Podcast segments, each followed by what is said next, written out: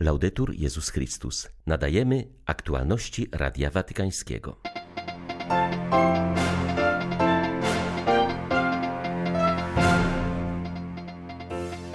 Z okazji święta Andrzeja Apostoła, patrona patriarchatu Konstantynopola, papież Franciszek skierował odręczne przesłanie do Bartłomieja I.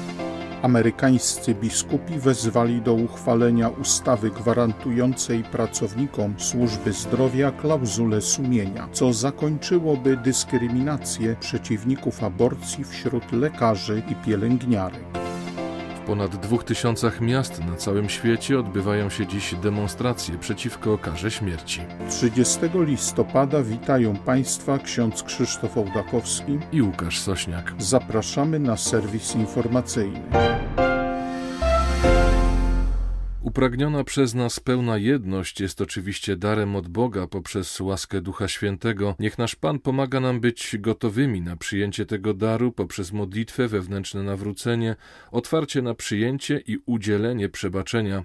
Słowa te napisał papież Franciszek w odręcznym przesłaniu do prawosławnego patriarchy Konstantynopola z okazji święta Andrzeja Apostoła, który jest patronem tego patriarchatu. Przesłanie zostało przekazane patriarsze przez watykańską delegację, która co roku udaje się z tej okazji do Stambułu, odwzajemniając w ten sposób wizytę delegacji prawosławnej, która przybywa do Rzymu na uroczystość świętych apostołów Piotra i Pawła. Franciszek powierzył tę misję kierownictwu papieskiej Rady dla popierania jedności chrześcijan na czele z jej przewodniczącym kardynałem Kurtem Kochem, Uczestniczył on w świątecznej liturgii sprawowanej przez patriarchę Bartłomieja.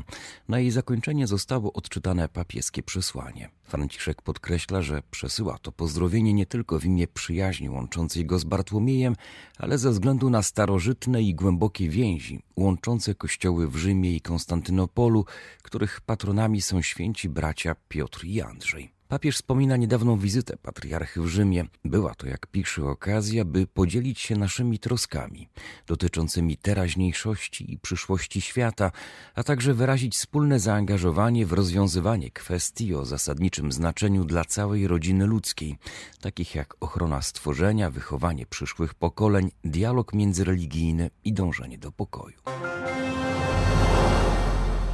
W intencji na grudzień, przedstawionej przez Światową Sieć Modlitwy Papieża, Franciszek poleca szczególnie katechetów. W maju tego roku Ojciec Święty ustanowił świecką posługę katechetyczną. Włączenie laikatu oraz współpraca z nim w dziele przekazywania wiary poprzez katechezę wypływa z istoty powołania świeckich otrzymanego na mocy Chrztu Świętego oraz innych sakramentów pogłębiających więź ze wspólnotą uczniów Chrystusa. Katecheci pełnią niezastąpioną misję w przekazywaniu i pogłębianiu wiary. Świecka posługa katechety jest powołaniem, jest misją.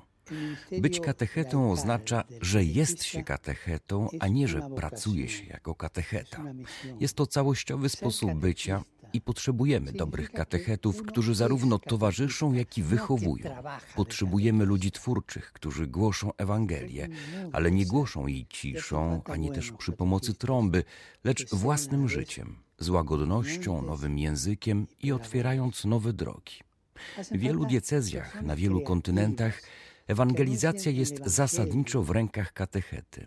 Dziękujmy katechetom, katechetkom za wewnętrzny entuzjazm, z jakim przeżywają tę misję w służbie Kościoła. Módlmy się wspólnie za katechetów, powołanych do głoszenia Słowa Bożego, aby świadczyli o nim z odwagą, kreatywnością, w mocy Ducha Świętego, z radością i wielkim pokojem.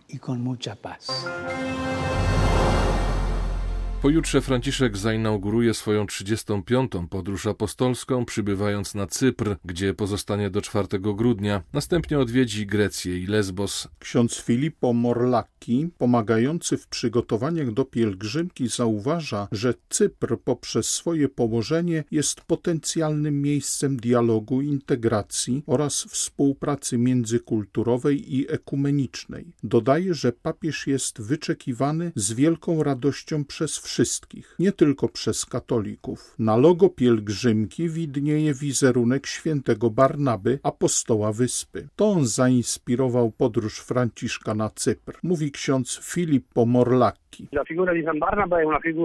Postać świętego Barnaby jest bardzo ważna dla wyspy, ponieważ apostoł pochodził z tych stron i na Cyprze zachowało się wiele wspomnień związanych z jego osobą. Jestem tu od kilku tygodni, aby pomóc w przygotowaniach i mogę powiedzieć, że wspólnota chrześcijańska z pewnością czci świętego Barnabę. Każdego dnia odmawiamy modlitwę skierowaną do niego, aby za wstawiennictwem tego towarzysza świętego Pawła wszystko przebiegło zgodnie z wolą Bożą. Wszyscy chrześcijanie są oddani tej postaci, która reprezentuje związek z początkami, z historią chrześcijaństwa. Paweł również tu był, ale ponieważ Barnaba pochodził z Cypru, z nim istnieje szczególna więź.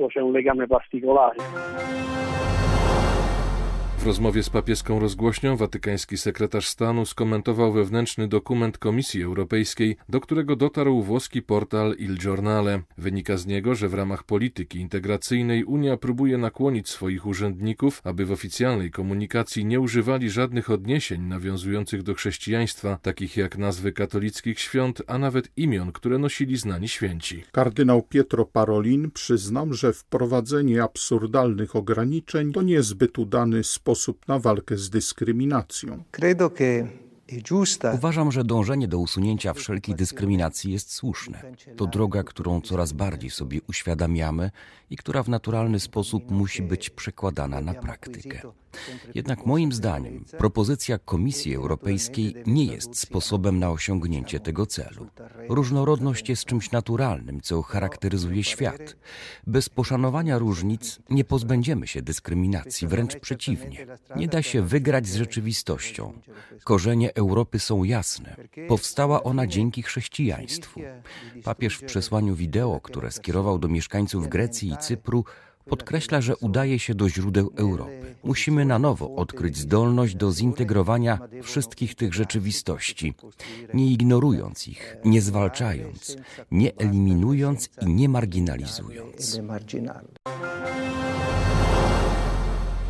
Dziś w ponad dwóch tysiącach miast na całym świecie odbywają się manifestacje przeciwko karze śmierci. To właśnie 30 listopada w 1786 roku jako pierwsze państwo w Europie Wielkie Księstwo Toskanii zabroniło jej wykonywania. Dojrzewamy do zrozumienia, że ta kara jest nieludzka i nie powinna być stosowana za żadne przestępstwo, powiedział koordynator kampanii przeciwko karze śmierci we wspólnocie świętego Idziego. Mario Marazziti uważa, że ostatnie 20 lat miało decydujące znaczenie dla walki z karą śmierci. Ogromny wpływ na to, że jest ona dziś zakazana w większości krajów świata, miała działalność Kościoła katolickiego i wspólnoty świętego Idziego. Dzięki tym staraniom od dwóch dekad systematycznie spada liczba egzekucji w Stanach Zjednoczonych, Iraku i Arabii Saudyjskiej, powiedział w rozmowie z Radiem Watykańskim Mario Marazziti.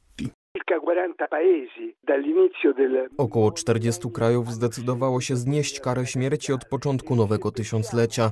Większość świata już jej nie stosuje. W ubiegłym roku wyroki wykonano w 18 państwach, a rok wcześniej w 20. Myślę, że znajdujemy się w punkcie zwrotnym dla ludzkości. Wielki wpływ na zmianę sposobu myślenia ma Kościół katolicki. A ostatnio papież Franciszek, który zmienił zapis katechizmu i uznał karę śmierci za niezgodną z nauczaniem Kościoła. Wspólnota świętego Idziego zjednoczyła podzielony ruch abolicjonistyczny. Jeszcze 20 lat temu Międzynarodowa Koalicja Organizacji Działających na rzecz zniesienia kary śmierci liczyła tylko 13 podmiotów, a dziś jest ich ponad 150. Praca naszej wspólnoty przyniosła zniesienie tej nieludzkiej kary w Mongolii, Burkina Faso i innych krajach afrykańskich oraz narodziny lokalnych ruchów abolicjonistycznych, na przykład na Karaibach, gdzie w ciągu ostatnich dwóch lat nie było żadnej egzekucji.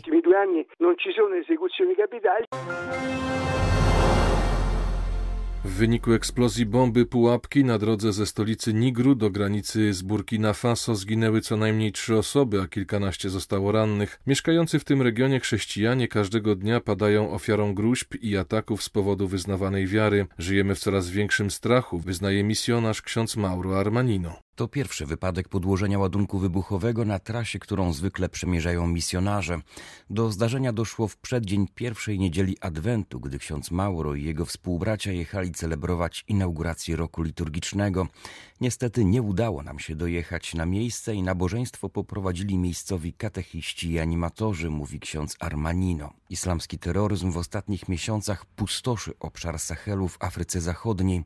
Z Nigerii bojownicy Boko Haram rozlali się na wszystkie kraje regionu.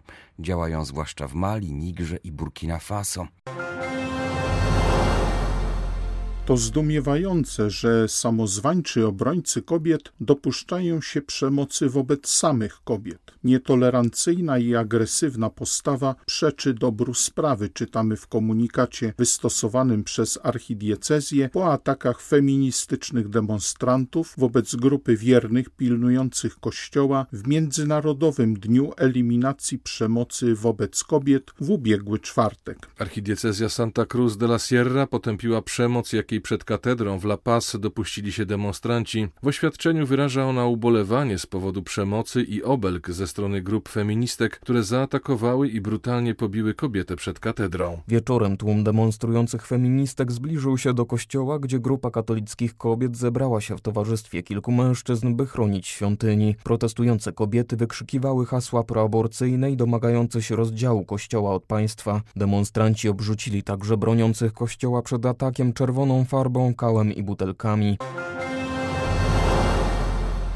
Amerykański reprezentant Andy Harris wezwał kongres do uchwalenia ustawy o ochronie sumienia pracowników służby zdrowia. Zagwarantowałaby ona zmiany w publicznej służbie zdrowia zakazujące rządowej dyskryminacji pracowników opieki zdrowotnej, którzy z powodów moralnych lub religijnych odmawiają uczestnictwa w wykonywaniu aborcji. Przewodniczący Komitetu Episkopatu USA do działań pro-life arcybiskup William Lori poparł projekt zmian. Arcybiskup Lori powiedział, że trudno sobie wyobrazić bardziej rażące naruszenie praw obywatelskich niż bycie zmuszonym do porzucenia swoich przekonań i wzięcie udziału w zakończeniu niewinnego życia ludzkiego. Departament Sprawiedliwości wyraźnie sygnalizuje, że łamanie praw sumienia w służbie zdrowia może być bezkarne, dodał arcybiskup Lori. Biskupi amerykańscy wzywają kongres do stanięcia w obronie podstawowej godności pracowników służby zdrowia zdrowia w kraju i uchwalenia ustawy o ochronie sumienia, by lekarze i pielęgniarki mogli bronić swoich praw drogą sądową, zakończył hierarcha. O sytuacji na granicach Białorusi, realizowaniu procesu synodalnego, a także problemach życia i działania Kościoła w obydwu krajach rozmawiały w Poznaniu delegacje Konferencji Episkopatu Polski oraz Niemieckiej Konferencji Biskupów. O poruszanej tematyce poinformowali dziennikarze przewodniczący obydwu episkopatów, metropolita poznański arcybiskup Stanisław Gondecki oraz biskup Limburga Georg Becing. Jak zaznaczył arcybiskup Stanisław Gondecki, obydwa episkopaty są przekonane o konieczności wspólnego zabierania głosu głosu w obliczu poważnych problemów pojawiających się zarówno na granicy polsko-białoruskiej, jak i możliwości eskalacji konfliktu między Ukrainą a Rosją. Mówiliśmy o tym, że w sytuacji takiego zagrożenia poważnego, nie daj Boże, żeby doszło do wojny, konsekwencje tego będą straszne, dlatego że zachwieje się też ta równowaga między Ukrainą, Unią Europejską, Rosją. Przewodniczący konferencji Episkopatu Polski wskazał na dramatyczną sytuację zarówno migrantów usiłujących przedrzeć się do krajów Unii Europejskiej, jak i trudności, jakie w życiu codziennym napotykają mieszkańcy strefy przygranicznej. Rozważamy komunikat w tej sprawie, jeśli to będzie możliwe trójstronny, polsko-niemiecko-ukraiński, zapowiedział arcybiskup Gondecki. Biskup Bessing podkreślił, że problem ten dotyczy nie tylko Polski, ale całej Europy. Nie możemy zostawić Polski samej, stwierdził przewodniczący niemieckiej konferencji biskupów. Dodał, że nie można też zapominać o migrantach wykorzystywanych przez władze białoruskie, którzy znaleźli się w potrzasku na granicy. Były to aktualności Radia Watykańskiego. Laudetur Jezus Chrystus.